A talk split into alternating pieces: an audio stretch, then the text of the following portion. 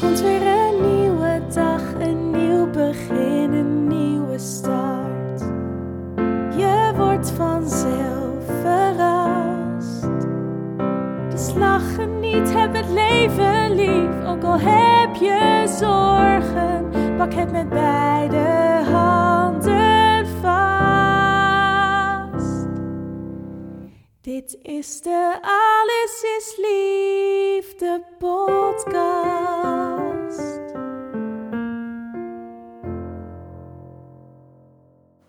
Welkom, je luistert naar de podcast Alles is Liefde. Mijn naam is Rianne Roes, relatietherapeut, eigenaar van samenalleen.com en auteur van de dichtbundel Een Ode aan Jou. In deze podcast ga ik in gesprek met mensen die ik heel inspirerend vind over het leven, de liefde, relaties, seks, de dood. En in deze podcast hoop ik jou ook te inspireren. Ik wens je heel veel luisterplezier en mocht je geïnspireerd zijn geraakt door een onderwerp of door een gesprek, dan hoor ik het heel graag van je. En ik zou het ontzettend waarderen als je een review achter wil laten in de iTunes podcast app. Nogmaals, veel luisterplezier en een hele fijne dag gewenst. Dit is de Alles is Liefde podcast. Welkom en wat leuk dat je luistert naar weer een nieuwe aflevering van de podcast Alles is Liefde. Vandaag in gesprek met Fiona Kloosterman. Fiona uh, vindt haar oorsprong in de loopbaancoaching en heeft zich na haar scheiding verder ontwikkeld als lichaamsgericht therapeut, um, als systemisch therapeut en vervolgens is zij ook als ervaringsdeskundige zichzelf onder de loep gaan nemen. In dit gesprek gaan we het hebben over hoe de scheiding eigenlijk de weg terug werd naar haarzelf. Of nou, misschien niet eens terug, maar de weg naar verbinding met zichzelf. Uh, welke ervaringen ze daarin heeft opgedaan. En hoe uiteindelijk rust en ehm, ja, het voelen van je eigen lijf het sleutelwoord bleek te zijn tot, uh, tot terug naar wie je werkelijk bent. In dit gesprek gaan we daar uh, verder op in. Uh, Fiona, superleuk dat je hier bent vandaag. We hebben al even een fijn voorgesprekje gehad. Maar ook voor jou begin ik met mijn allereerste beginvraag. Waar denk jij aan als ik zeg liefde? Nou, als eerste denk ik toch echt wel aan mijn kinderen. Ja. Ja, ja ik heb drie kinderen. Leuk. En uh, toevallig vandaag op de dag van de opnames uh, heeft er één een operatie. Marijn heeft een operatie. Oh, dus daar zijn mijn gedachten wel bij. En mijn oudste die krijgt haar uitslag van haar HAVO. Of ze geslaagd is. Dus, Spannend. Ja, dus, dus ja, dus het daar zit, denk ik wel ja. echt aan als je zegt liefde. Ja, het ja. zit nu ook natuurlijk helemaal in je ja. eerste gedachtegang... omdat we uh, vandaag beide een belangrijke dag hebben. Ja. ja. Maar waar ik nog meer aan denk... Hè, dus als, je gewoon, als ik er gewoon even wat meer van een afstandje naar kijk... dan is, is liefde toch wel gewoon ja, zo'n gevoel in mijn hart. Ja. ja. En dat kan van van alles zijn. Ik reed hier naartoe en ik zag de bomen en de zon en een vogel. Ja. ja. daar kan ik echt liefde bij voelen. Ja, dat is een soort energie bijna, hè? Soort, ja. Ja, klinkt misschien gek, met dankbaarheid of zo. Voor ja. Dat het allemaal zo... Ja, er is. Ja. Gewoon. Ja. Ja, we nemen het soms zo voor lief, maar dat is echt zonde. Ja. ja. we zien het soms ook gewoon niet. En dat nee. hoeft ook niet altijd, maar als je het wel gewaar kan worden, dan kan het heel veel... Ik zie het steeds meer. Ja. Ja. En het heeft ook dan te maken met dat je vertraagt. Dat moet anders wel. Moet eigenlijk wel. Ik denk dat dat wel een van de toverwoorden is, ja. Ja. Ja. Ja. Er was zo'n... Uh, ik heb ooit zo'n zo'n videoclipje... heb ik ook heel lang als een soort leidraad gehad. En dat, daar, daar werd gezegd... Don't move unless you feel it. Zo'n dansfilm was dat van met Jennifer Lopez en hoe heet die man nou? Ik weet het even niet. Maar ze ging hem dansen leren en ze, en ze leerde hem echt dat hij niet mocht bewegen totdat hij het voelde. Wauw. Ja, vond ik is echt een mooi YouTube. Maar dat is echt zo, want we hadden het in het voorgesprek even over ecstatic dancing. Ja. Dat is het natuurlijk ook, want je mag daar gewoon doen wat je voelt, toch? Ja. Dat is maakt niet uit of je op je kop gaat staan of je helemaal uit je plaat gaat Klopt. of dat je gewoon gaat slapen. Ja. Alles is goed. Alles is goed. En eigenlijk is de uitnodiging: doe wat je, goed, wat je voelt. Ja. Ja. Ja. Ja, dus als ik ga dansen, begin ik altijd met stilstaan. En dan ergens een keer komt er een gevoel van: ik wil bewegen van binnen. Ja, Ja. ik vind het echt magisch hoor. Ik ga het echt... eh, Ja, ja, je gaat een keertje mee met mij. Ja, heerlijk, heerlijk. Hebben we nog niet afgesproken. Maar nu wel. Dat lijkt me best een het leuk idee. Ja. Ja, super. Hey, en vandaag waar we het ook ehm, over gaan hebben is eigenlijk ook liefde. Maar ehm, op het moment dat een relatie of een huwelijk eindigt, wat ook heel vaak vanuit liefde kan, Ja. ehm, dat, dat je uit elkaar gaat, dat je gaat scheiden. En jij hebt zowel vanuit je professionele ervaring als vanuit je persoonlijke ervaring ja, daar eigenlijk kennis over opgedaan. Klopt, ja. Wil je daar iets over vertellen? Hoe dat, eh, wat, wat, wat doe je bijvoorbeeld? Wat, hoe heeft je leven je eigenlijk gebracht op het punt waar je nu bent in eh, professionele zin? Want volgens mij doe je zowel op persoonlijk vlak als professioneel veel. Ja, ja dus eh, ik ben eh, ondernemer Mhm. en ik help eigenlijk mensen met allerlei loopbaanvragen. Dus ehm, dat is met name het vinden van ander werk. Dat is als mensen niet weten wat ze willen of er knaagt iets zo op hun werk. Dus ze denken, ah, ik zit hier niet lekker. Eh, dan komen ze bij mij om uit te zoeken van wat wil ik wel. En sommigen blijven en die, die hebben gewoon iets te doen nog op hun eigen werkplek. En anderen die begeleid ik dan naar nieuw werk.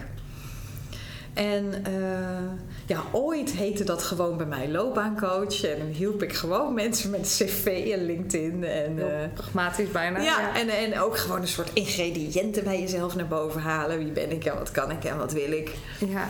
Ehm, en dat heeft zich inderdaad, en mede door de scheiding, enorm verdiept. ja. Ja, enorm Ja. verdiept. ja. Ik ben, het is nu zo vijf jaar geleden dat we gescheiden zijn, Pascal en ik.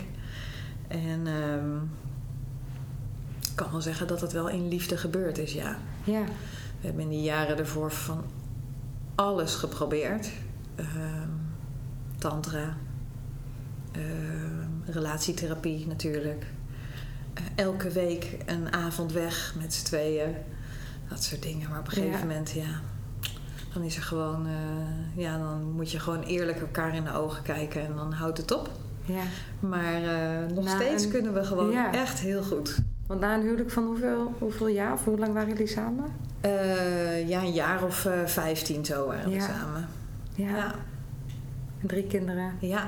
En ik had zoveel angsten van tevoren. Ik dacht, nou, dat ik ga vijf hoog achter belanden op een flatje en dan met drie kinderen. En, en ik ben ondernemer en Ik straks verdien ik geen geld meer. En, Ik ga failliet en ik, oh, ik vreselijk. heb hier een keukentafel. Oh, eh, vreselijk was dat. ja, En ik krijg ruzie met Pascal en, en de kinderen die, eh, die, eh, die, staan worden ertussen. ongelukkig. Ja. Nou, ik had allerlei doemscenario's. En had hij die ook? Kon je het daar met elkaar over hebben? Of was het ook echt iets wat je in je eentje aan het verteren In was? die En- fase konden we dat er niet echt over hebben, nee. Nee. Nee, nee. nee, nee. En hoe, want je zegt hè, eigenlijk is er een aantal jaar geweest misschien wel waarin we met elkaar hebben geprobeerd Ja, de liefde weer te laten ontvlammen of zo. ja. Maar zonder het resultaat wat je eigenlijk voor ogen had. Hoe gaat zo'n proces? Want scheiden doe je niet van gisteren op vandaag. Hè? Ook op het Nee, punt dus om... Als ik nou echt zeg maar alleen maar mijn eigen aandeel heb, want ik, eh, om hem er nou elke keer bij te slepen, dat, eh, dat, Nee. dat vind ik ook weer zo wat, want hij is hier zelf niet. Dus ik vind het ook echt wel heel mooi om, om mijn eigen aandeel eh, en, en mezelf in de, in de spiegel te kijken. Mhm. En ehm, zo achteraf bezien was ik in mijn huwelijk gewoon niet in staat om mezelf te uiten in wat is nou mijn verlangen en wat is nou mijn grens, zeg maar. Dus wat Mhm. wil ik wel en wat wil ik niet, om dat echt te voelen bij mezelf en, en ook om dat te communiceren. Ja, ja. En dat vind ik dus nu, even zo jaren verder gespoeld, ook juist heel mooi om andere mensen te leren. Want inmiddels ben ik er gewoon echt heel goed toe in staat. Want inmiddels heb ik een opleiding tot lichaamsgericht therapeut gevolgd, een energetisch therapeut, systemisch therapeut. Dus inmiddels voel ik mijn, mijn lijf echt veel beter dan toen. Ja. had- dat wist ik toen. Deed ik dat helemaal niet, joh. Je was je Ik eigenlijk was- niet bewust, dus je kon ook niet weten Nee. dat je, da dat je daar eigenlijk Nee. continu een fluïde grens had en die zelf ook niet kon aanvoelen. Ik was gewoon in met mijn aandacht meer bij hem en bij mijn kinderen. Dus altijd maar aan het zorgen. Wat hebben zij van mij nodig? En Ja. dan wat, misschien een soort chameleon. En dan Ja. ben ik faciliterend in wat van mij Ja. gevraagd wordt. Ja, en nooit echt bij mezelf. Ik deed Nee. er niet toe. Nee, nee. En, eh, en dat heb ik over die jaren daarna wel echt geleerd. Dus ik ben die scheiding ook wel heel erg dankbaar. Mhm. Want zonder, zonder dat ik gescheiden zou zijn... Ja, ik heb gewoon zoveel geleerd de afgelopen vijf jaar. Ja, Mijn leven is ja, echt wel diepgaander geworden. Ehm, echt hè? ik, ik voel, ik voel, Ja. ik voel. En ik leef. En je echt. bestaat. Ja, precies. Ja, In plaats van dat je in een rollercoaster zit van... ja. Ja, ik noem het wel eens geleende zelfbeelden. Dat je bestaat omdat je gezien wordt door iemand anders... terwijl je niet helemaal beseft van wie ben ik nu zonder die Ja. ander. Ja, achteraf gezien, maar ja, dat wist ik toen ook allemaal gewoon nog niet. Eh, had ik toch wel van die codependency trekken, Mhm, zeg maar. Hè? mhm. Dus ja, en hoe kom je daar dan uit als je in die staat zit en je bent je ook nog niet bewust? Dus ik zat in die staat en ik was me ook nog niet bewust. En ik was uit alle macht aan het proberen en hoe ga ik nu weer gelukkig worden? Ja, Ja, want je voelde dat het er natuurlijk niet meer lukte om gelukkig te zijn. Nee, Nee. nee. En hoe weet je dan wanneer je stopt? Wanneer hè, dat, je voelt. Want je, ik kan me ook voorstellen dat je steeds denkt, ja, maar dat je hoofd steeds denkt. Ja, maar als we dit nog proberen, als we nog. eh, Ja, maar we hebben wel echt heel veel geprobeerd. ja, was het nodig om het allemaal te proberen? Of was het vooral iets van je hoofd om uiteindelijk van jezelf toestemming te krijgen om te mogen gaan? Of zeg je, het heeft allemaal zijn bijdrage gehad om te komen op het punt waar we goed uit elkaar konden? Het heeft zeker allemaal zijn bijdrage gehad. Ja, Ja, ja. ja. Zowel die relatietherapie, want in relatietherapie ben je toch gewoon vooral in gesprek Mhm. met iemand Mhm. erbij. Ehm, maar ja, gesprek is toch een status van het hoofd. Ja, daar waren wij toen alle twee, eh, daar, daar bivakkeerden we. ja. En toen vervolgens eh, had mijn ex bedacht van, eh, nou dan gaan we, gaan we iets met tantra doen. En, en toen belanden we opeens met z'n tweeën in dat gevoelsstuk. Ja, dat was wel spannend. ja. Ja. Dat lijkt me ook recht spannend. Ja. ja. Vooral ook om in... ik heb onlangs iemand geïnterviewd over eh, Taoïsme. Mhm. En dat ook daarin zij zegt... Ja, het moet iemand zijn die, met wie je echt heel vertrouwd voelt. En dat zal ook, hè, als je zo lang samen bent, ben je vertrouwd met elkaar. Maar op een zeker punt is er ook een afstand... omdat je voelt, we maken elkaar niet meer gelukkig. Dus Ja. het is ook best een spanningsveld, lijkt me... Ja. om je dan op het gebied van tantra te begeven. Kwetsbaar misschien wel. Ja, en dat was ook in een groep. Dus Mhm. het was vooral de gelegenheid om zonder de chit-chat van je gedachten... of van mijn gedachten... te kunnen voelen in het contact met hem van... en wat, en wat is er nou op dit niveau tussen ons? Ja, ja. En het was ook in een groep, dus wat is er tussen ons? En wat gebeurt er als ik zo'n oefening met iemand anders doe? Hè, wat, Ja. wat doet mijn lijf dan en hoe reageert mijn lijf dan? Ja, dat was wel een interessante reis. Worden, En, ja. en overigens was dat wel een soort van eh, eh, tantra voor puppies. Mhm. Eh, dus het was wel echt beginnerstantra, gewoon met, met, kle- met kleren aan. En, Ja.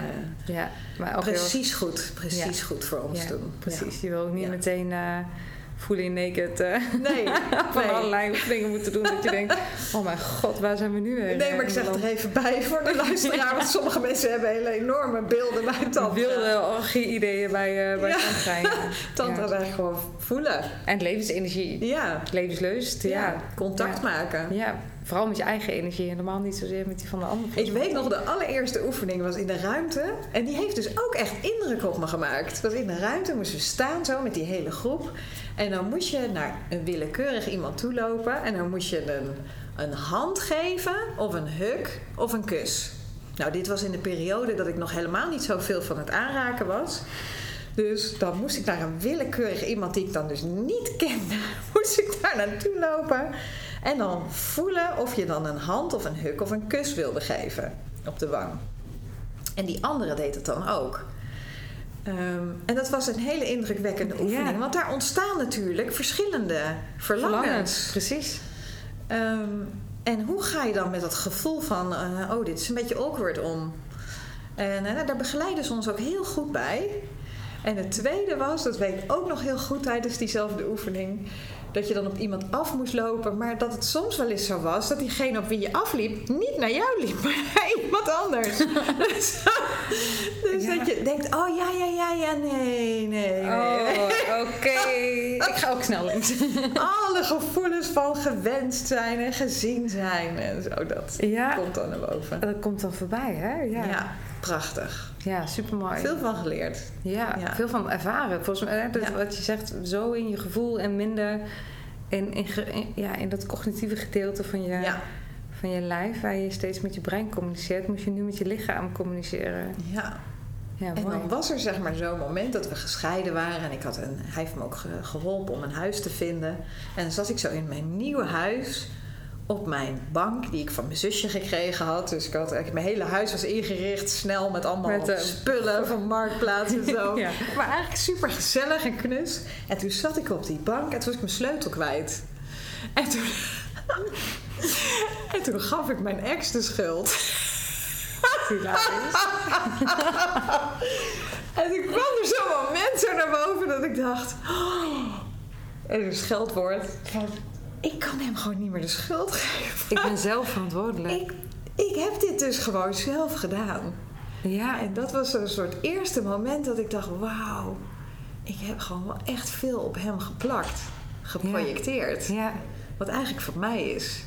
ja, en daar kom je dan achter, omdat je ontdekt dat je... En dat terwijl ik echt al jaren bezig was met bewustzijnsontwikkeling. Ik was al jaren coach. En, eh, en toch zijn er dan allerlei hoeken en gaten Altijd. die gewoon zo ingesleten zijn. Altijd, ja. Ja, Dat is, ja. Ja, dat denk ik ook dat dat zo werkt. Ja. Dat, dat je hoeveel opleidingen, hoeveel therapieën, hoeveel coachtrajecten je ook doet. ja mijn cliënten denken altijd dat ik af ben. Maar ik ben, ik ben, ik ben zelf eigenlijk altijd wel... Ik vind het altijd heel leuk om mijn eigen verhalen ook echt in te brengen in de praktijk. Want ik ben helemaal niet af. Ik, bedoel, Nee. ik, ik ben ook gewoon net zo met het leven aan het worstelen als zij. Precies, je bent af als je dood bent. Want Ik dan, ga, er eh, alleen, ik ga er alleen anders mee om. Maar ja. en dat is interessant. ja, dat is het. Dat herken ik. Dat je alles wat op je pad komt, dat het een soort van twee sporen krijgt. Dat je enerzijds eh, denkt, oh fascinerend, wat gebeurt er nu met me? En hoe kan ik dat begrijpen? En hoe kan ik het vanuit eh, eh, een soort van zelftherapie snappen? En anderzijds is het het mens zijn waarin je Ja. ongenuanceerd, boos, kwaad, kort Ja. door de bocht bent. Waarin je Ja. ook voelt, oh, dit is dus wat er bij iedereen gebeurt. Maar dat, zij, dat andere spoor van reflectie, continu even uitchecken van... hé, hey, wat ben ik eigenlijk van een afstandje aan het doen? Ja, Wetende dat daar ook weer blinde vlekken in zitten. Dat is denk ik wat... Tenminste, als ik voor mezelf spreek, en ik wil jou het eigenlijk ook zeggen... wat, wat je als therapeut dan misschien anders maakt dan de gemiddelde ja Eh, daar ben ik het helemaal mee eens. ja, Ja. persoon die een vraagstuk Ja. heeft aan te kijken. Dus als we dan het sprongetje maken naar... Want we hadden het in het voorgesprek ook even over, eh, over daten. Dus als ik dat sprongetje maak naar daten... dan waren er ook echt in die, in die vijf jaar wel eens dates... want ik heb heel wat afgedate, zeker in het begin... eh, waren er wel eens dates die dan, die dan zeiden... Kan je, moet je nou overal bij nadenken, Fiona? Ja, Ja, ja, sorry. Dat klopt. zo werkt mijn hoofd. Ja, ik kan het Ja. niet uitzetten. Nee. En je zou ook even, we zijn eigenlijk heel liefdevol uit elkaar gegaan. Mhm. Hoe, hoe lukt dat liefdevol? Want je zei uit liefde, of Mhm. met liefde, met, met gevoelens van liefde. Wat heeft bijgedragen? Ehm. Als je voor jezelf spreekt, want ik snap hè, dat je zegt... ik wil niet voor mijn ex-partner daarin Ja, dus hoe lukt dat met liefde? Dan is dat het eerste wat in mij opkomt, is dat eh, ik en, en hij ook altijd de kinderen voor ogen hebben gehad als degene die ja, het meeste zorg nodig hebben bij een scheiding. Dus ja, zolang je de kinderen op één zet, dan wordt de rest minder belangrijk. Dus de keren dat hij over mijn grens ging, of waarop ik boos werd, of gefrustreerd was, of verdrietig, Ja. omdat wat er tussen hem en mij was, die dingen die waren er wel, dus die waren er om te doorvoelen, maar het maakte niet dat ik uit contact ging of eh, hem niet meer welkom heette in mijn nieuwe huis. Mhm. Of nou, whatever je zou kunnen doen om verwijdering te veroorzaken, zeg maar. ja. Ehm, Want de kinderen staan op één. En de kinderen vonden het heerlijk bijvoorbeeld dat hij langskwam. Voor mij in het begin, nu, nu heb ik dat niet meer zo, maar in het begin dacht ik, nou daar, daar is hij. Daar is hij weer. Ja, in mijn, eh, in mijn, eh, in mijn space of zo, hè? Dat, eh, Precies. mijn eigen gecreëerde Ja, omgeving. ben ik net zo mijn eigen ruimte aan, Aan het, het verkennen afbakenen. en aan het afbakenen. Mezelf aan het voelen. Daar ben ik helemaal nog niet goed in. Ja. En dan komt, weer, komt hij toch weer die Met ruimte binnen. energie eh, de boel vertroebelen. Ja, ja, Ja. ja, ja, Maar voor de kinderen was het zo fijn dat die twee woningen of die twee woonplekken ja, in elkaar konden precies. schuiven zo af Ja. en toe. En we, Ja, zijn, dat- we hebben ook echt heel veel bij elkaar gegeten zo in die eerste periode. En achteraf gezien is dat gewoon echt heel goed. Ja. Ja, ja. En juist omdat je de kinderen op één kon zetten. ja, En dat de pijn die er was in het. Hè, dat, ik weet ook nog, ik heb natuurlijk veel ook gewerkt met, eh, met de gescheiden ouders. Ehm, dat op een gegeven moment als ouders ook blijven vechten, dat je ook bijna kan zien alsof, alsof je niet uit elkaar bent gegaan. Want ergens zeker. hè, ben je nog zo met elkaar bezig dat je denkt, ja, logisch dat je dit raakt, maar er is natuurlijk ook een reden waarom je gescheiden bent. Het is Ja. niet omdat het allemaal zo fantastisch ging samen. Nee. Dus er zijn trigger points Ja. waardoor je bepaalde gevoelens krijgt. Maar die moet je, ja, dat, dat is eigenlijk informatie over. Dit is een reden waarom het tussen ons niet meer werkt en we elkaar niet meer gelukkig Het is maken. mooi dat je dat zegt, want ik herinner me nu dus inderdaad opeens weer dat dit altijd het zinnetje was wat, er, wat ik een soort, als een soort troostrijke gedachte zo had. Van, eh, oh ja, ja, nou ja, ik moet ook gewoon wel weer eens weten waarom ik gescheiden ben. Ja, Ja. ja. ja. Dat gaf Ja. ook een soort troost.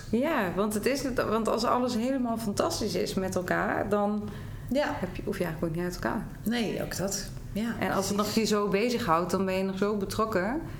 Eh, dat, als relatietherapeut merk ik dat ook. Als mensen bij me komen en er is heel veel onverschilligheid, dat ik dan merk, oh, dat vind ik heel lastig om mee te werken. Omdat als er onverschilligheid is, is er eigenlijk al zoveel afstand. Ja, Terwijl boosheid zegt nog zoveel over passie en betrokkenheid op Ja. elkaar. ja. Maar onverschilligheid is, ja, boeit me niet wat je doet. Oh, Ja. eh, heb je een ook affaire? Ja, maar... pijnlijk, ja. Ja, ja. Ja, dat heb ik nooit gevoeld. nee, Nee, nee, het is altijd toch ergens in verbinding gebleven. Maar ja, ja. Ja, en je bent niet drie hoog achter geëindigd met drie kinderen in een afstandsflat zo te horen. Nee, ik woonde heerlijk. Ik woonde Ja. heerlijk. Nog steeds op hetzelfde plekje? Nog steeds op dezelfde plek. Ja. Ja. Dus al je angsten, zijn er angsten geweest waarvan je eh, ja, die toch uitgekomen zijn? Dat je bang was, oh wat was dit, wat was dat? En die je misschien lang op de plek hebben gehouden, maar Nee. nee. Nee, dus ehm, waar ik nog het meeste, wat, ik, wat mijn worsteling nog het meeste is geweest, natuurlijk in de jaren daarna, is, Mhm. is een zoektocht naar, ja, zeg maar, een nieuwe partner. Dus, dus daar zit nog wel iets dat ik denk, heavy, ja, waarom lukt dat nou nog niet? Nee. En ik kan wel voelen dat ik er steeds dichterbij kom. En dat het me ook heeft geholpen en gediend om die vijf jaar daar zo, zo'n proces mee in te zijn gegaan. Van bindingsangst en verlatingsangst en Ja. alles wat daar omheen komt. Ja. Ja, want je, je hebt er eigenlijk een heel persoon- persoonlijk onderzoek van gemaakt, toch? Ja. dat je, wil je er eens over vertellen? Want nou, je bent uit elkaar, je zit niet drie jaar achter, maar je hebt eigenlijk stiekem best een heel leuk plekje om te wonen met, eh, met Ja. mooie meubeltjes. En je gaat dan weer je leven als ja, single, Ja. gescheiden vrouw. Ik Ja. weet niet hoe je jezelf... Single noem ik mezelf, ja. Ja. ja. Wat gebeurt? Wat komt er in vredesnaam op je niet, af? Bij de term gescheiden vrouw zie ik... ik weet niet, daar zie ik zo iemand met krulspelden en zo allemaal. Het slaat nergens op. Maar ik ben wel hartstikke single, hartstikke Ja. hip. Ik ben 49. Ja, heerlijk. Ja. Ja. Wat, wat, wat voor wereld ging, wat, wat kwam er op je af? Wat voor wereld ging er voor je open? Ja, dus ik denk dat de eerste twee jaren ik echt daar heel erg van genoten heb. Van dat al dat gedate. Ik heb gewoon, heb werkelijk, ik had heel Tinder heb ik gedate. En soms had ik gewoon drie dates op een dag. En eh, ik heb gewoon echt het fenomeen man gewoon van dichtbij weer een keertje Geobserveerd. ja, van ja, wat is dat eigenlijk een man? En Ja. welke smaken hebben we? Welke soorten hebben we? Ja. Gewoon het hele ja, het Ja. hele spectrum. Ja, ja, zo van ja. Alsof je bij de ijsboer bent. Ja. eigenlijk? En eh, ja. zo. Ja. En welke dating sites zijn er? En hoe werken die dan? En hoe krijg ik dan de date die het beste bij me past? En hoe krijg je de date die het best bij je past? Ja, ik heb natuurlijk, ik ben van, eh, vanuit eh, mijn werk ook eh, social media juf. Ehm, nu niet meer zo, maar in het begin deed ik dat veel. LinkedIn en Twitter trainingen geven. Ehm, en dan vond ik het daarin altijd de lol om met mensen echt gewoon een profiel te maken. Wat gewoon een mooi profiel was, zakelijk. Ja, dus ik kon gewoon niet wachten om gewoon een leuk Tinder profiel van mezelf te maken. Wat Ja. aantrekkelijk genoeg was. En, en persoonlijk. Ehm, en daar heb ik wel mee eh, geëxperimenteerd, ja. Ja, en wat zijn, eh, wat zijn keys? Wat, wat zijn echt dingen die, eh, die belangrijk zijn bij een goed Tinder-profiel? Dat ik hier serieus inderdaad over aan het praten ben in de podcast. Dat is natuurlijk wel hilarisch. Ehm, ja, dus eh, het allerbelangrijkste is je eerste foto op Tinder. Want op basis van je eerste foto krijg je een, ik geloof dat het een ELO-score heet. Krijg je een score van Tinder mee. En Tinder gaat dan, het, in de volksmond heet het een beetje de knapheidsscore. Dus Tinder die geeft dan een score op basis van die foto. En op basis van die foto gaat Tinder dan matches voorstellen. Maar is het dan juist belangrijk dat je een zo mooie mogelijk foto hebt of een zo'n waarheidsgetrouwe foto? Wat is Nou, dan... dus ik heb, ik heb eh, beide geprobeerd. In marketingtermen heet dat dan AB-testen. Dus ik heb beide geprobeerd om gewoon eens te kijken van... ja, wat doet een professionele foto nou versus een kiekje van thuis? En alhoewel ze overal op sites altijd zeggen... doe een zo waarheidsgetrouwe foto hè, van een kiekje van thuis... heeft die professionele foto echt voor mij leukere dates opgeleverd. En niet dat je denkt, oh, het is zo'n mismatch, of zo. Dat je dan... Nee, daar kreeg ik echt knappere dates op. Grappig, hè? En de tweede, de tweede tip is zoekwoorden. En een heleboel mensen voelen, vullen hun Tinder-profiel niet in, het, het eh, biootje. Maar op basis van die woorden gaat Tinder ook weer kijken of er mensen zijn die woorden hebben die daarbij passen. Hetzelfde interesses of aanvullend of eh, Ja, hetzelfde ja, themagebied, laat me zeggen. ja, ja, Interessant. ja, zeker. Dus die, eh, die twee tips eh, die eh, moeten mensen zeker meenemen als ze zich op het, eh, in het Tinder-landschap bevinden. Ja, Ja, ja. grappig. En je hebt... en, want hoe heeft zo'n... Want daar ben ik eigenlijk ook wel benieuwd naar zo'n periode dat je zegt... die eerste twee heb ik echt genoten. Hoe is het ook bijgedragen aan je eigen persoonlijke ontwikkeling... en je eigen thema's rondom verlatings- en bindingsangst? Hoe, hoe ben je dat daar tegengekomen?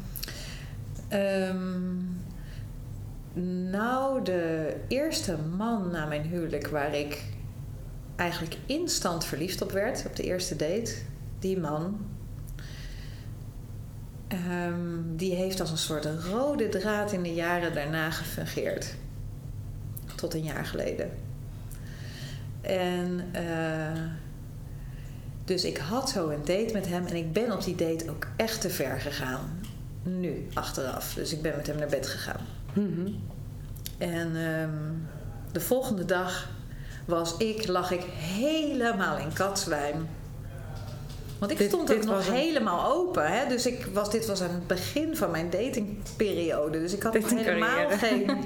Ja, ik had helemaal nog geen beschadigingen. Of ik was nog hartstikke bleu in dat daten. Ja. Ehm, en hij zei de dag daarna van, nou, ik ben niet verliefd. En daar ontstond, daar ontstond zeg maar het begin van het... Daar ben ik gaan onderzoeken van... Shit, shit wie. En, eh, en dat is echt het begin van een hele weg in onderzoek van verlatingsangst en bindingsangst en boeken lezen en bezig met dat thema. Ja. Ja. Ja. Want wat gebeurt er op het moment dat zo iemand dan... Want het zal meer mensen overkomen, daar ben ik van overtuigd. Hè, dat je, ja zeker. Het is een heel universeel thema. Ja, en wat gebeurt er dan in jou? Is het dan misschien meteen een hele disqualificatie van jou ook naar jezelf toe? Of hoe hield je je staande op het moment dat je eigenlijk zelf al ongeveer een huis met, aan het inrichten was van, van jullie samen? En hij zei: Nee, ja, sorry, het was leuk, maar ik, uh, ik Ja. heb het wel gezien. Ja, dus, dus deze vraag die speelde toen, want je moet je voorstellen, ik was net gescheiden, dus ik was toen nog steeds best wel onbewust. En die hele vraag die jij nu stelt, kan ik nu achteraf antwoord op geven, maar toen niet. Nee. Dus toen dacht ik alleen maar. Dus ik, ik stel me dan zo, want ik had dus verlatingsangst. En ik stelde me die man zo voor en mezelf alsof ik in een tunnel zat. En die man die stond aan het eind van die tunnel. En ik stond zo met handen zo uit te reiken naar hem. En hij staat dan ook nog met zijn rug omgedraaid. Met zijn gezicht naar de andere kant. En want hij wil daar allerlei andere vrouwen zo ontmoeten. Ja. Ja, ja. dus ik zit zo naar zijn rug te kijken in een tunnel. En mijn gevoel, mijn enige uitweg is, was alleen maar via hem. Hem. Ja. En dat, Ja. dus dat gevoel. Je hele, dat- bijna een soort van ja, tunnelvisie. Ja. Dat was echt, er waren geen alternatieve scenario's meer ja, mogelijk. ik Dit- droomde over hem. Ik appte hem de hele dag. Ik werd een halve stalker. ja. Ja. En wat voor functie heeft het achteraf gezien? Wat, wat, hoe kan je verklaren dat deze man, hè, los van dat hij hartstikke leuk zou zijn, maar dat hij dit zo in jou triggerde? Wat, wat, Ja, dus ik, ik ben hem achteraf, hoe pijnlijk dat proces ook geweest is, ik ben hem heel dankbaar. Want door die ontmoeting Mhm. ben ik de opleiding tot lichaamsgericht therapeut gaan doen. ja. Want ik dacht, en nou ben ik er klaar mee. Nou ben ik er gewoon klaar mee. Ik ga dit gewoon helemaal tot de bodem in mij Want daar was je uitgraven. precies klaar mee. Met dat gevoel. Met Van? dat pijnlijke gevoel. Dat Ja. pijnlijke gevoel van in die tunnel en opgesloten. En ik vind iemand leuk en die vindt mij niet leuk. En, eh, en ik krijg mezelf daar niet los uit. Nee. En toen ging eh, de opleiding lichaamsgerichte therapie uitkomst Ja, bieden. ja. Wat heb je daar, want wat, wat, wat, wat, nou ja, wat doe je als lichaamsgericht therapeut? Wat, hè, dat doe je, daar gebruik je nu natuurlijk ook nog van alles. eh, Zeker, is de basis van mijn werk nu. Ja, wil je iets, iets over delen? Wat, wat is het, de lichaamsgerichte therapie? Dus de basis daarvan is voelen. Even heel simpel gezegd. Dus eh, daar waar ik vroeger altijd in mijn hoofd zat, eh, heb ik nu geleerd om ja, mijn lijf te ervaren. En wat gebeurt daar eigenlijk? En, eh, en daarmee te werken. En het, en het werken daarmee is, dat gaat over allerlei oefeningen die je toebrengen naar dat gevoel. Mhm. En daar ook gewoon diep in weg laten zakken met allerlei voorbeeldsituaties uit je jeugd waar je naar terugkeert. Ehm, maar het uiten ook van woede, woedeoefeningen, heel veel schreeuwwerk en Mhm. zo.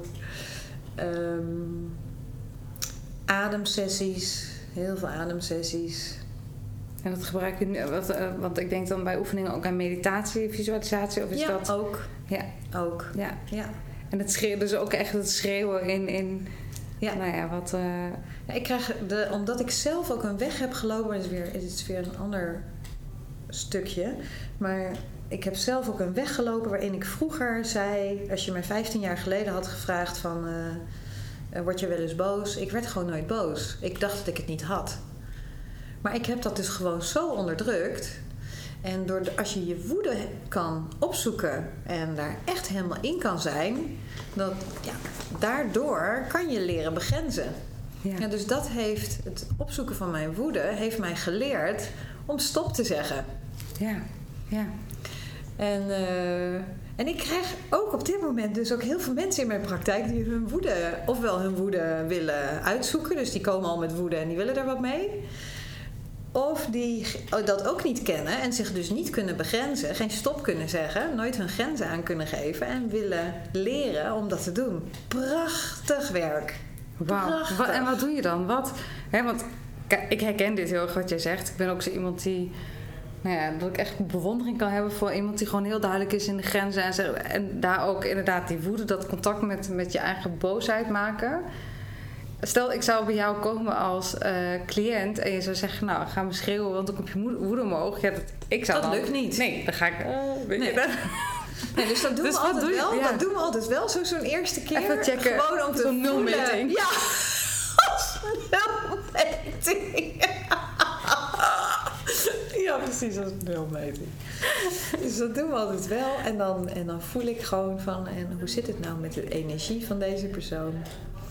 En dan vervolgens beginnen we eigenlijk weer helemaal van bij, bij nul. Ja. En dus eh, bijvoorbeeld bij meditatie, als, eh, als iemand daar eh, gevoelig voor is. Sommige mensen hebben helemaal niks met meditaties. Die eh, denken, joh, koekoek. Ja, ja, soms bij meditatie. En dan heel langzaam gaan we eens een oefening doen. Die gaat over grenzen. Dus dan sta ik aan de ene kant van mijn ruimte. En de cliënt aan de andere kant van de ruimte. En dan loop ik naar de cliënt toe. En dan ergens een keer gaat er iets, ga je iets voelen in je lijf. Een kriebeltje of soms zelfs zoals ik ga staan. Eh, soms pas heel dichtbij. Eh, dan gaan we een beetje experimenteren van wat, wat voel je nou eigenlijk in je, in je lijf als ik dichtbij kom. En, eh, en, en ga dan vanaf dat moment ook dat gevoel eens een keer in je eigen leven serieus nemen. Van als je datzelfde gevoel weer voelt, hé, hey, dit heeft misschien iets met mijn grenzen te maken. Ja. En de oefening andersom is ook heel mooi om eh, de cliënt op mij af te laten lopen en dat ik stop zeg. Want dan geven ze dus eigenlijk hun stop uit handen. Mhm. Dat is natuurlijk helemaal niet het geval, want je hebt altijd in je leven een stop, maar dat is wel het gevoel van stop uit handen geven. Ja. Dus dat is een mooie tussenoefening. Ja. En zo werken we langzaam toe naar dat we tegenover elkaar staan als het straks weer mag, na COVID. Handen tegen elkaar aan, in, in de ogen kijken en dan keihard brullen. Ja, lekker man. Heerlijk, Ja. heerlijk. ja, en bevrijdend ook. Gewoon zo'n oerkracht. Ja, Ja. het van de week een dame die ging ook helemaal los. Helemaal los. Maar het heeft, ik, bij mij, het woord wat in mij opkomt is dan het woord schaamte. En niet voor deze mevrouw hoor, maar voor mezelf. Ja. Dat ik denk, dan zou ik me helemaal laten gaan. Ja. En dan zou ik misschien een uur later kunnen denken... Jezus, Janne, echt waar. Was dit nou nodig? Zo overdreven, zoveel drama, zoveel poespas? Nou, en Herken je dat? Het is heel mooi dat je dit zegt, want, want, want daarom is lichaamsgerichte therapie zo gaaf. Ja, dus je doet een oefening en eigenlijk gebeurt er dan meteen iets in het lijf. In jouw geval dan nu bijvoorbeeld schaamte. Dus dat is prachtig rauw materiaal om mee te werken. Ja. Dus ik zeg, ik zeg bijvoorbeeld ook wel eens, dus als, ik heb wel eens, eh, ik vind dat altijd een mooi voorbeeld, een dame die voelde zich bekneld door haar, ehm, door haar manager. Mhm. Ik heb een eh, telecombedrijf als, eh, als klant en zij voelde zich bedreigd door haar manager, bekneld. En dan, en dan wat ik dan ga doen, dat is ook echt lichaamsgerichte therapie. Dan zet ik haar tegen de muur, rustig en zachtjes en ik bouw het op. Maar uiteindelijk belandt ze tegen de muur. En dan ga ik haar beknellen en ga ik de zinnen zeggen die haar manager zegt. Nou, daar haal je zoveel meer- materiaal uit om mee te werken. Want het lijf herkent die situatie. Mhm. En, En raak getriggerd. en Ja. raakt getriggerd. Dus zoals jij nu zegt van ja, ik voel, zou, me dan, zou dan schaamte voelen. En dat is prachtig materiaal om mee te werken. Ja, Van, Ja. en waar uit je verleden herken je dat dan zo van? ja. Waar, waar, waar heb je het... eh, waar heb je je moeten inhouden eigenlijk? Ja, in je gezin van herkomst. Ja. Ja, mooi is dat, hè? Prachtig.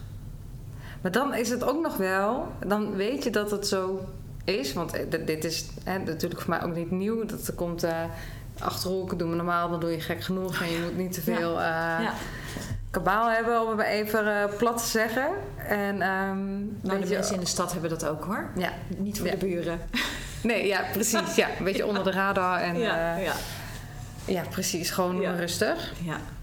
Mijn ouders wel, of ja, mijn vader heeft volgens mij nog nooit van zijn leven zijn stem verheffen. Dus ja, dat is, ik snap wel waar het vandaan komt. Maar hoe, wat kan je inderdaad in die zin binnen de lichaamsgerichte therapie doen om vervolgens ook van dat, ehm, van dat juk bijna af te komen? Hè? Want het is ergens iets wat je met je meedraagt, wat helemaal niet van jou is, maar wat wel eh, in mijn geval dan die schaamte zou triggeren. Ja, dus soms is de, het besef van hé, hey, ik voel schaamte. En het gesprek van en waar komt dit dan vandaan? En van, van wie van je ouders eh, herken je dit? Eh, wellicht nog een familieopstelling. Is dat genoeg? Ehm, en soms heeft het een, eh, een diepgaande ademsessie nodig met veel kabaal en geweld en geschreeuw. En, eh, Ja. ja, mooi. Het is echt Dat lichaamsgericht. Laatst zag ik ook een quote voorbij komen. Op LinkedIn volgens mij. Van een, ehm, een niet aangeraakt lichaam is een niet geliefd. le- Nou, in ieder geval een, soort dat ik dacht, oh ja, er is veel meer aandacht aan het komen voor, voor ons lijf, voor wat Ja. ons lijf ons vertelt. Ja. Eh, Tranen die niet gehuild worden door de ogen, worden gehuild door de organen. Vind ik ook zo mooi, ja. Ja, ja, Lichaamsgerichte uitspraak. ja. Ik als we toch aan het quoten zijn, die, ehm, volgens mij heb ik hem al vaker in de podcast genoemd, dat tranen eh, smeltwater van de ziel is, Oh ja, van voordelen van de ziel is. Dat ik denk, er is nog zoveel Ja. taboe ook op, op tranen. Hè? Soms raken mensen ook zo Ja. bijna ontregeld van als ze, als ze je tranen zien. Dat ze iets voor je willen oplossen, iets willen fixen. Of wat kan ik voor je doen? Ja. Ja, eh, nee, gewoon laat me gewoon even janken. En dan, eh, ben ik... Het is niet iets ergs, er moet gewoon even wat uit. Ja. Ja. Ja. En daar ben je met lichaamsgericht de therapie volgens mij heel veel en heel bewust mee bezig. En dus in die end, hè, dus even terug naar mijn scheiding. Dit had ik allemaal niet gedaan, waarschijnlijk, als ik nog getrouwd was geweest. Ja, want er was de urgentie er Die was er niet geweest. niet geweest, nee. Nee. Ja. Ja, het heeft dus echt een hele, een hele beweging binnenin jouzelf in gang gezet. Omdat je voelde van hoe vind ik mezelf weer terug. Want ik merk dat ik niet meer weet wie ik ben of zo. Of misschien überhaupt niet geweten heb. Maar Ja, nou ja, echt leren verbinden met mezelf. ja, Ik was gewoon niet verbonden met mezelf. nee. En hoe kan ik nou me verbinden met anderen als ik niet verbonden ben met mezelf? nee, want de verbinding met jezelf is de basis voor... Ja. En vroeger had ik dit zweeftaal gevonden. Hmm. Dan had ik gedacht van, wat is nou voor concept eh, geleuter? Ja, precies. Dit is het voor vage, zweverig gelul. Echt. Ja. En nu voel je gewoon wat het je oplevert. Ja. Ja. ja. Ja. En eh, hoe heeft het effect op... En het mag ook gewoon in algemene zin, maar het kan ook op jou persoonlijk. Want je zegt hè, dat verlatingsangst, bindingsangst is een... Nu ik de vraag stel, denk ik dat ik zelf het antwoord al weet. Maar ehm, hoe, hoe heeft zich dat ontwikkeld in, in dat proces naar verbinding voelen met jezelf? Wat is daarin? Ja, dus ik zeg eigenlijk altijd, dat is nog steeds wel hoe ik dat zo vind, is ik heb de afgelopen vijf jaar dus echt leren verbinden met mezelf, ben dieper in mezelf geland. Mijn stem is ook lager geworden. Ik ben, ja, ik ben gewoon wat, wat dieper gaan ademen. Dus er is lichamelijk van alles veranderd. Dus ik ben werkelijk verbonden met mezelf. Maar ik heb dan zo, zo in mij een soort hele nieuwe toolbox, zeg maar. En nou moet ik op mijn 49ste, moet ik met die nieuwe toolbox, moet ik gaan verbinden met een partner. Maar ik ken dit helemaal niet. Dit heb ik gewoon nog nooit mijn hele leven zo gedaan. En überhaupt van jezelf heb je dit nooit... Ja, Gevoeld. dus ik vind het al Nee. fantastisch dat ik zo met mezelf verbonden ben. En hoe ga ik dat dan met een ander doen? Ja. Maar dat is eigenlijk op een gegeven moment, na al dat geklooi met al die Tinder dates en, eh, en, dat, en dat hele seksuele pad en, eh, ehm, en, en meer die korte, korte ontmoetingen, fenomeen man van dichtbij bekijken. Op een gegeven moment kwam er een soort rust in, eh, in mij. En eh, toen heb ik een paar keer, nou zo drie maanden, heb ik een, eh, een eh, verkering, noem ik het. Een verkering gehad. om, om dat zo eens uit te pluizen. Maar dat, ja, dat valt gewoon nog niet mee, joh. Nee. Dat valt gewoon nog niet mee. En waar komt het door volgens jou? Wat heeft daar... Welke factoren dragen daaraan bij of juist niet? Ja, dat ik nog mijn gereedschapskist aan het onderzoeken ben. Dat je nog niet aan weet wat je met Wat zit er eigenlijk allemaal in? Ja. En hoe breng ik dat in verbinding? Dus, dus, dus dat zeggen ze ook bij, als je het hebt over codependency. Je stapt van codependency naar independency en van independency naar interdependency. Dus die stap van codependent naar independent. Nou, daar heb ik een stickertje voor gekregen. Ja. Applaus. ja, en de stap van independent naar interdependent, daar eh, ben ik nog een beetje in aan het zoeken. Maar dat hangt natuurlijk ook zo enorm af van ehm, hoe independent je ook bent. Uiteindelijk of je met iemand anders dat interdependent aan kunt gaan. Misschien moeten we dadelijk de term even toelichten. Hangt natuurlijk ook enorm af van hoe independent die persoon is met wie je bent. Ja, En dat is niet op basis van het Tinder-profiel af te lezen. Nee, ik Als Tinder dus ook niet meer. Nee, want iemand kan erbij zetten, weet ik veel, spiritueel ontwaakt. Even heel lullig, platgeslagen gezegd. Maar, eh, en met zo iemand al binnen één seconde voelen, oh, de energie is er niet. Precies. Hè, dat, dat, en dan denk ik, oh ja, weet je, het leek zo leuk. Tinder heeft eh, zijn algoritmes erop losgelaten en we zijn een eh, Ja. hoog percentage match. Energetisch klopt geen donder van. Ja. Ja, en dan sta je Ja, dan. dus ik zit nu echt in een fase waarin ik denk... Ik, ik, ik hoef al dat online eh gedate niet meer. Nee, Nee.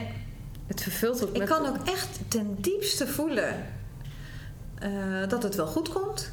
Ja, En ik kan ten diepste voelen dat ik hem ergens een keer ga ontmoeten. ja. Ja, en wie is dan, is dat... Hem is dan een levenspartner of is dat de levenspartner? Of is het, hoe zie je dat? Zie je, geloof je dan dat er een, echt één tweelingziel voor je rondloopt die jou eh, in die zin... Weet ik veel. Ja, nee. Laat het, ik laat me verrassen. Ja, je, sta, je staat er voor open. Ja, ik laat me verrassen. Dat, Ja. eh, ik heb nu zoveel eh, Tinder-profielen geschreven. Moet je wat mee doen? Ik naast, wel. naast coaching. Overigens heb ik wel een visioen gehad, alweer een tijd terug. Een visioen van mezelf op een boerderij en er staat een man naast. Die is iets groter dan ik. En eh, het is een boerderij met een bijgebouw. Het ziet er wel Nederlands uit, het landschap. Eh, Er is een watertje en een boom en een kip. Ehm, en in dat bijgebouw, zeg maar, daar geef ik, maar volgens mij ook met die man, geven we samen training en coaching. Fantastisch. En dat is echt zo'n visioen die al een aantal jaren terug zo op mijn netvlies kwam. Niet een meditatie, maar echt, echt, ik had echt het gevoel van, nou, dit gaat gebeuren. Ja, super. Je komt toch naar de Achterhoek. Nou, dat zou maar zo kunnen. Daar zijn, daar zijn al wel wat gesprekken over gevoerd. Nee. Fantastisch. Dan gaan we daar ecstatic dance, Ecstatic eh, dance op starten. Ja. Ja. Maar ik, er, staat geen, er staat geen jaartal onder, hè, onder mijn visioen. Nee, het zou een beetje jammer zijn als het... eh, Er staat ook niet wie die man is, Nee. waar ik hem ontmoet. Nee, want dat is natuurlijk... De, dat- dan, is het spel gespeeld. Dat is Ja. natuurlijk niet wat, eh, wat de bedoeling is. Ja. Ja, mooi. Dus je voelt er in die tijd van... Na de scheiding was er de eerste twee jaar eigenlijk een soort van wereld die voor je openging in, in datingsland. Mhm. Maar was het eigenlijk nog wat oppervlakkiger, bijna in de oude context. Ja. Eh, of eh, eh, met, met, met je oude gereedschapskist ja. de boer op. Ja, en, en ook een seksuele weg. Want ik heb tot en met mijn huwelijk heb ik gewoon heel weinig seksuele ervaringen. En dit was echt wel een soort tweede jeugd. Ja. En die was heel nodig. ja, wil je er iets over delen? Of eh, wat, wat, wat heeft het je... Wat wil je weten? Nou, ik denk dat... dat ehm,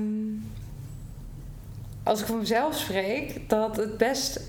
Mij lijkt het gewoon reet spannend ook. Als je... Dat was het ook. 15 jaar zei je, met, met, met Ja. bent geweest. En ik Ja. weet natuurlijk niet wat jullie in jullie huwelijk voor afspraken hadden. Maar dat je vervolgens naar zo'n date gaat en besluit met elkaar naar bed te gaan. Of het lijkt me echt, nou laat ik me gewoon zeggen, tering ongemakkelijk.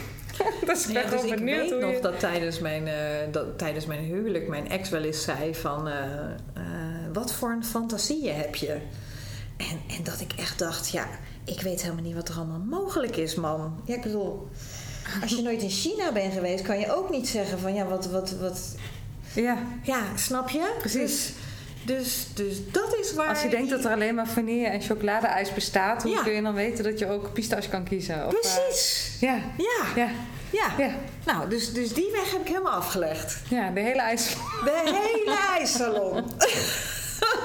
ja, En het heeft je verrijkt. zeker. Maar ik kan me ook voorstellen dat het je kan verarmen, omdat je je ook kunt verliezen, volgens mij, in het bijna nog verder afsplitsen van je hoofd en je lichaam. Mm, ja, dat was niet het geval. Maar het, het was, hè, dus ik zeg nu, het heeft me verrijkt, achteraf. Maar ik heb wel ook echt wel veel.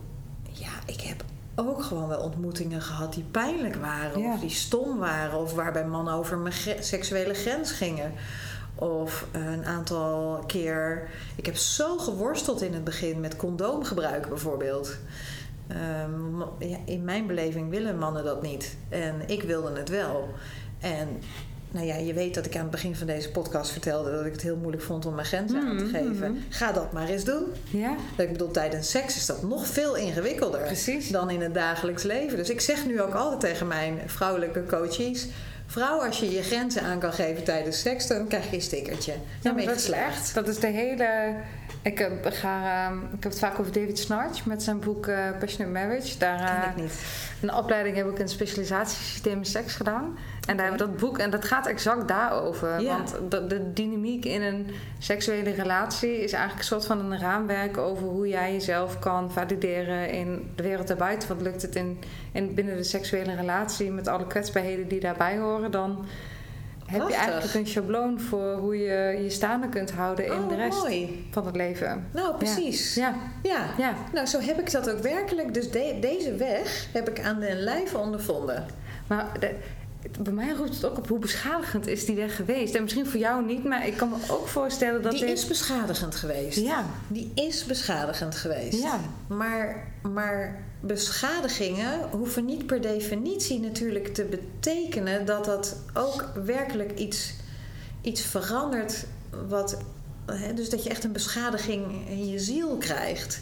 Het voor, in mijn geval heeft het wel echt betekend dat ik daardoor ja, gewoon ja, het leven nog meer aanging Mhm. of nam of mijn lessen leerde. dichter bij jezelf kwam, toch? Ja, Door, Ja. de- door, ja, door te Ja, dus- onderzoeken wat, wat beschadigt mij nu of zo. Ja, dus als je leert fietsen als klein kindje, dan lazer je ook elke keer van je fiets en dan heb je ook je knie open. Je kan niet leren fietsen zonder van je fietsje te lazeren. Nee, dat klopt. Nou, dat vind ik met dit ook. Ja, nee, dat... Ja, dus ik kan, daar, ik kan daar heel zielig over gaan lopen doen. Er is inderdaad mijn, al- helemaal mijn allereerste date. Die stak zijn tong in mijn mond en zijn hand in mijn broek. Zonder dat ik het zelf wilde. En eh, ik ben echt huilend. Dat was de allereerste date. Ik ben huilend teruggegaan naar huis. Ja, En maar ik dacht wel echt de volgende dag. En dit nooit meer. weer. Ik ga echt nu zorgen dat ik dat niet meer zo ga doen. ja, ja, dus je bent echt door bijna schade en schande wijs geworden. Want exact het thema werd meteen aan je gepresenteerd. Ja. De eerste date na je scheiding. ja. Van ja, je kan wel scheiden, maar daarmee heb je niet je persoonlijke, zeker. persoonlijke zoektocht afgerond. Zeker. Daarmee begint hij eigenlijk, want je komt uit een veilige haven. Ja. Veiliger dan je misschien ooit ge- ja, gedacht had. En niet per se gelukkig, maar wel Ja. veilig, zoals je beschrijft. Ja, hij was En dan zeker eh, veilig. Is het een grote boze datingwereld die, eh, Nou. ja, Ja, die van Ja. alles eh, spiegelt aan je. ja. En wat was, want je zegt de eerste twee, twee jaar vol gas. En toen was er een periode, want je zegt ik ben nu vijf jaar gescheiden, toch? Ja. Dat was nog eh, twee, drie, vier, vijf jaar daarna. Ja. Ja, dus het, in het begin was het heel intens en veel. En eh, weet je, de, je moet bij dat daten ook niet veel meer voorstellen dan dat ik met sommige mannen gewoon een ijsje ging eten in de stad. Of een rondje ging lopen door het park.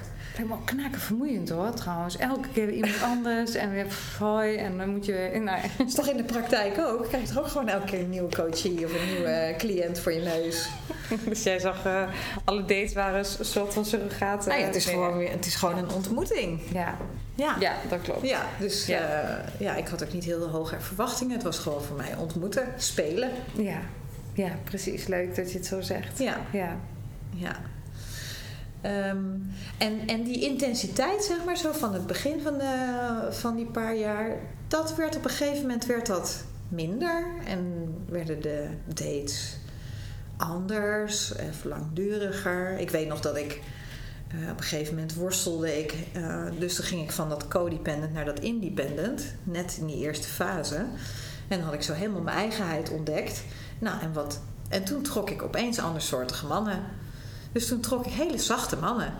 Dus dan was ik zeg maar de stevige, stoere tante. Ja, mhm. En dan trok ik iemand die, eh, die zelf heel erg eh, ja, wat meer symbiotisch van aard was.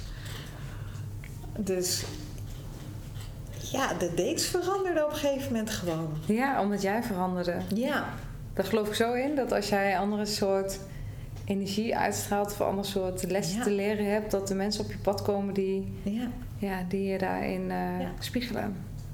ja, Om andere delen van jezelf te ontmoeten of andere delen van jezelf te ontwikkelen. ja.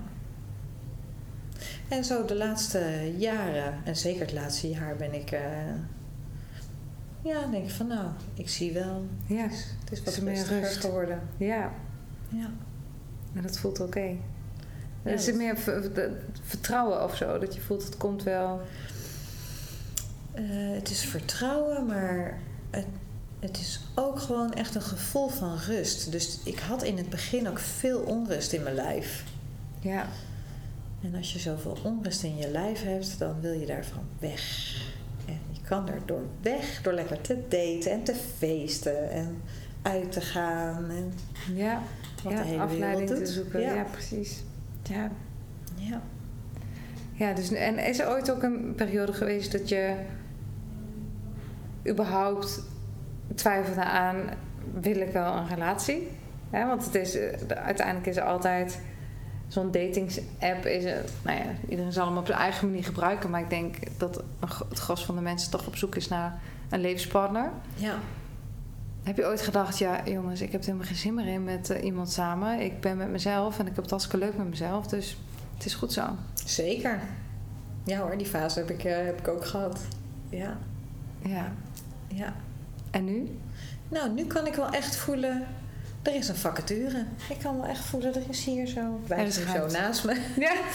Er is gewoon een soort. Ja, er is, er is een vacature. Ja. Ja. Er is ruimte. Maar eh, iemand, inderdaad iemand Ja. naast je, niet Ja. ja, in je, uiteindelijk misschien ook wel in je. Maar ik bedoel, eh, Zou fijn zijn. als, als levenspartner. Dus niet meer als eh, ehm, invulling van een leegte of van, eh, van Precies. iets wat, wat, ja, wat je aangevuld zou willen zien. Maar iets veel meer wat, wat ja, als levenspartner hand in hand gaat of zo. Ja, en in die fase van ik, ik, ik, ik hoef helemaal geen partner en ik kan het allemaal wel zelf. Ehm, dat is ergens achteraf bezien weer ook wel een beschermingsmechanisme. Ja, dus dat komt natuurlijk voort uit alle teleurstellingen van de tijd ervoor. Ja. Ja. ja, precies. Ja, en ook daar heb ik nu vrede mee. Dus Ja. ja, Ja, je hebt eigenlijk een hele reis afgelegd naar uiteindelijk naar jezelf. zeker. De weg naar binnen. Ja, En als je kijkt naar hoe. ehm, ja, want ik vind dat soms nog wel, een- wel eens een taboe hè, tussen eh, je professionele. eh, ja, je vak eigenlijk, hè? dus Mhm. je professionele Fiona en je ja, privé Fiona. En hoe, hoe, hoe kunnen die elkaar juist versterken? Want ik merk dat dat. Nou, ik kom er wel meer los van, merk ik. Maar vooral toen ik echt nog in het reguliere zat, dat er echt een soort van. Nou ja, alsof je afgesplitst wordt van. dat is een prachtige vraag. Dat is een prachtige vraag. Eh, want hey, mijn mening is denk ik toch anders dan de gemiddelde therapeut. Mhm. Ik weet nog dat mijn eh, hoofdtrainer, eh, therapeut, die vond het heel ingewikkeld dat ik heel open op Facebook ben over mijn persoonlijke proces. En die zei eigenlijk altijd: Fiona, je moet zorgen dat mensen een soort wit doek hebben waartegen ze zichzelf kunnen afspiegelen. Maar dat is natuurlijk helemaal niet waar. Dat is natuurlijk sowieso, als je de ruimte al binnenloopt, gebeurt er al instant wat Precies. in het contact. Dus met alle oordelen die ik zelf had over dat ik zo openhartig ben, heb ik eigenlijk toch gewoon die weg doorgezet van die openhartigheid. En kan ik juist zo voelen hoe het mij en ook mijn cliënten helpt. Ja. Hoe het Dus- bijdraagt. Dus, dus mijn verhalen en mijn proces, ja, die inspireren mensen gewoon. In, oh, oh, doe jij dat dan zo? Oh. En ook, ik kom een beetje van mijn troon af. Mhm. Ja, precies. Dat Ja. Hè, van eh, de alleswetende therapeut naar... Ja jongens, ik eh, ben ook maar mens en ik bloed ook en ik maak ook stomme fouten... en ik moet ook nog leren hoe het voor mij werkt. Maar dat betekent niet dat ik het niet voor jou goed kan zien, zodat ik jou kan begeleiden in het proces. Ook al zou dat betekenen dat ik zelf die weg nog heb af te leggen. Ja. Nou ja, dus ik krijg ook gewoon mensen met specifieke thema's, zoals bijvoorbeeld nu woede. Ja, Die krijg ik, die krijg ik omdat ik ook geschreven heb over dat thema woede en, en hoe dat bij mij werkte zo in de afgelopen jaren. ja, En, en juist omdat ik er zo over schreef, komen mensen dan in mijn eh, messenger of, of eh, in mijn DM op Twitter om te zeggen: joh, ja, ik volg je nou al een tijdje, maar je weg inspireert me zo. En, en daarom wil ik nu bij jou in coaching komen. En sterker nog, ik denk dat. ehm, jij maakt het expliciet door erover te delen, maar ik denk dat dat witte doek überhaupt niet opgaat, omdat. Ook al heb ik de afgelopen, ehm, in het begin weinig gedeeld, er kwamen altijd mensen op mijn pad. Op hè, wat je uitzendt, eh, wat je aantrekt, dat trek, of wat je uitzendt, dat trek je ook aan. Precies. dat mensen op mijn pad kwamen die worstelden met dezelfde thema's als ik. Waardoor ik, ehm, zonder dat ze het konden weten. Dus de aanmeldingen die je dan krijgt, dat zijn eigenlijk ook weer hele ehm, matchende Ja, eh, vraagstukken. ja, En dat kan juist enorm versterkend helpen ja. of werken, omdat je elkaar ook echt snapt. En dat Ja. is volgens mij de hele basis van eh, een geslaagde therapie, om het maar zo te zeggen. Dat je het Zeker. gevoel hebt dat je begrepen wordt. ja. Dus heb je recht van Ja, spreken. dus ik loop zeg maar zo voor in die jungle in. Ja. En ik heb een beetje zo het pad zo een Ja. beetje open gehakt. Dat is een mooi metafoor. En, eh, ja. ja. en eh, loopt iemand zo met me mee, of lopen meerdere mensen met me Ja. mee, zo die jungle in. En ik, en, ik, en ik weet een beetje al een beetje de weg, zeg maar Precies. zo. En jij zegt soms van, nou weet je, jullie mogen even uitrusten. Ja. Ik duik even de boeken in, ik doe nog opleiding, ik doe nog... Hè, ik Ja. ben er zo ieren in om echt te Ja. pakken en te snappen en te voelen wat er nu gebeurt. Omdat jouw proces is ook het proces van zoveel anderen. Ja, het is mooi, die jungle hier. eh ja, je bent een soort van gids dan Ja. eigenlijk, hè? Een gids Ja. in de jungle. En eh, ja. je weet eh, welke paden je kan bewandelen. En Maar elke keer moet, moet ik wel weer dat, ja, we noemen dat bij Phoenix opleidingen, noemen we dat een bochtje maken. Moet ik weer een beetje zo dat bochtje maken langs, langs mijn angst van als ik openhartig ben, dan wil niemand mij meer. En dan gaat en dan stort mijn hele praktijk in. ja, dat is Dat bochtje moet ja. ik elke keer maken. Ja, dat herken ik heel erg. Dat je toch de angst hebt van, nou, nu... eh, Nu Ja. ga ik te ver. ja, First dates heb ik ook aan meegedaan. Als je het hebt over daten. Ja. hoe is dat? Even de afronding. Hoe dat is. Ehm, nou, dat vond ik best wel. eh, dat was gewoon vier uur lang buffelen. Het is dus één uur zit je aan de tafel met, eh, met je date. Mhm. Maar eh dat is best wel intens. Een uur. En je zegt vier uur buffelen. Ja, want het is een interviewtje hier. En dan word je naar de haven gereden of het water gereden. En een stukje lopen met een cameraman. En dan moet je weer daar een interviewtje en daar je zendertje. En je bent zo Ik ben echt... ja, een halve dag bezig. was het een leuke ervaring? Een leuke ervaring. Mm. Het was vooral Wat voor ervaring was het? Laat ik Ja, het dus ik doe, ik doe alles in mijn leven ook om als experiment eh, voor mijn eigen ontwikkeling. Dus het was ook om om te gaan met de meningen van half Twitter. Eh, Oh, dat krijg je dan ook, ja. Ja. En dus ik heb naar mezelf zo zitten kijken op de dag van de uitzending met half Nederland. En eh, Die was ook echt in beeld. Wat zeg je? Die was ook echt in beeld. Ja, ja, Ik, ik heb gewoon gedate op tv. Ja. En ik vond mezelf nog leuk ook. Ja, dus toen dat dacht was ik, hey, missie geslaagd. Ja, echt hè. Dan maakt het eigenlijk... Ja, dan maakt het natuurlijk... Je Ja. doet, doet je wel wat, maar het maakt dan bijna geen reet meer uit wat iemand anders ervan vindt. Want je voelt, hé, maar dit is wel hoe ik oké ben met mezelf. Ik zag mezelf in mijn eigen ego-patronen belanden. En, eh, en ik dacht, ach ja, ik snap het ook. Ja, oh ja, heerlijk. En het heeft me ook klanten opgeleverd. Dat is dan toch helemaal mis. Dus als je het dan dus hebt, daar moet ik denken aan first dates. Over helemaal met jezelf komen. Ja, Dus Ja. zelfs zo'n datingprogramma levert dan dus ook weer klanten op. Ja, en ik denk ook dat hoe. Dat, dat wie je bent dan. Ik merk het ook bij de podcast. Ik denk als ik nu mijn allereerste podcast luister en deze. Hier ben ik veel meer gewoon wie ik echt ben. En daar in het begin was het nog veel meer de professional Rianne. Oh, ja. En dat nog dacht oh, ik moet wel laten zien dat ik kennis van zaken heb. En ik ben wel goed opgeleid. En eh, dat, al dat soort dingen. Terwijl ik nu denk, oh, ik heb gewoon een lekker gesprek. En Ja, weet je, als, als mensen erop aangaan is het goed. En zo niet is het eigenlijk ook goed. ja precies. Ja. precies. je kan niet alles voor iedereen betekenen. Nee, precies. Mooi. Mooie afsluiten. Ik uh, ga afronden. Ja. Want we zijn al meer dan een uur, dus uh, we breien er een eind aan. Dankjewel Fiona voor de woord. Ja, graag gedaan. Superleuk om hier te zijn. Ja, heel erg. Tot dans. Tot dans, ja. Ecstatic dance. Wat leuk dat je geluisterd hebt naar deze podcast. Alles is liefde met Fiona Kloosterman.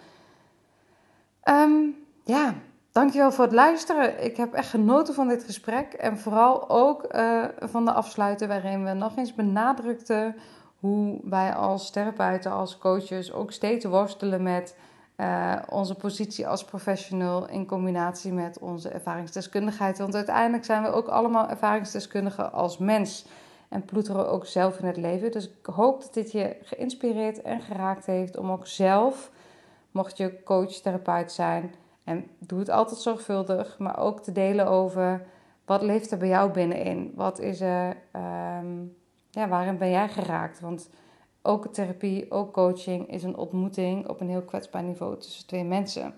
Dus ik hoop dat je hierin een uitnodiging hebt gehoord om zorgvuldig en toch met kwetsbaarheid en moed uh, in verbinding te treden met de mensen die op je pad komen en die je mag verder helpen in een persoonlijke proces.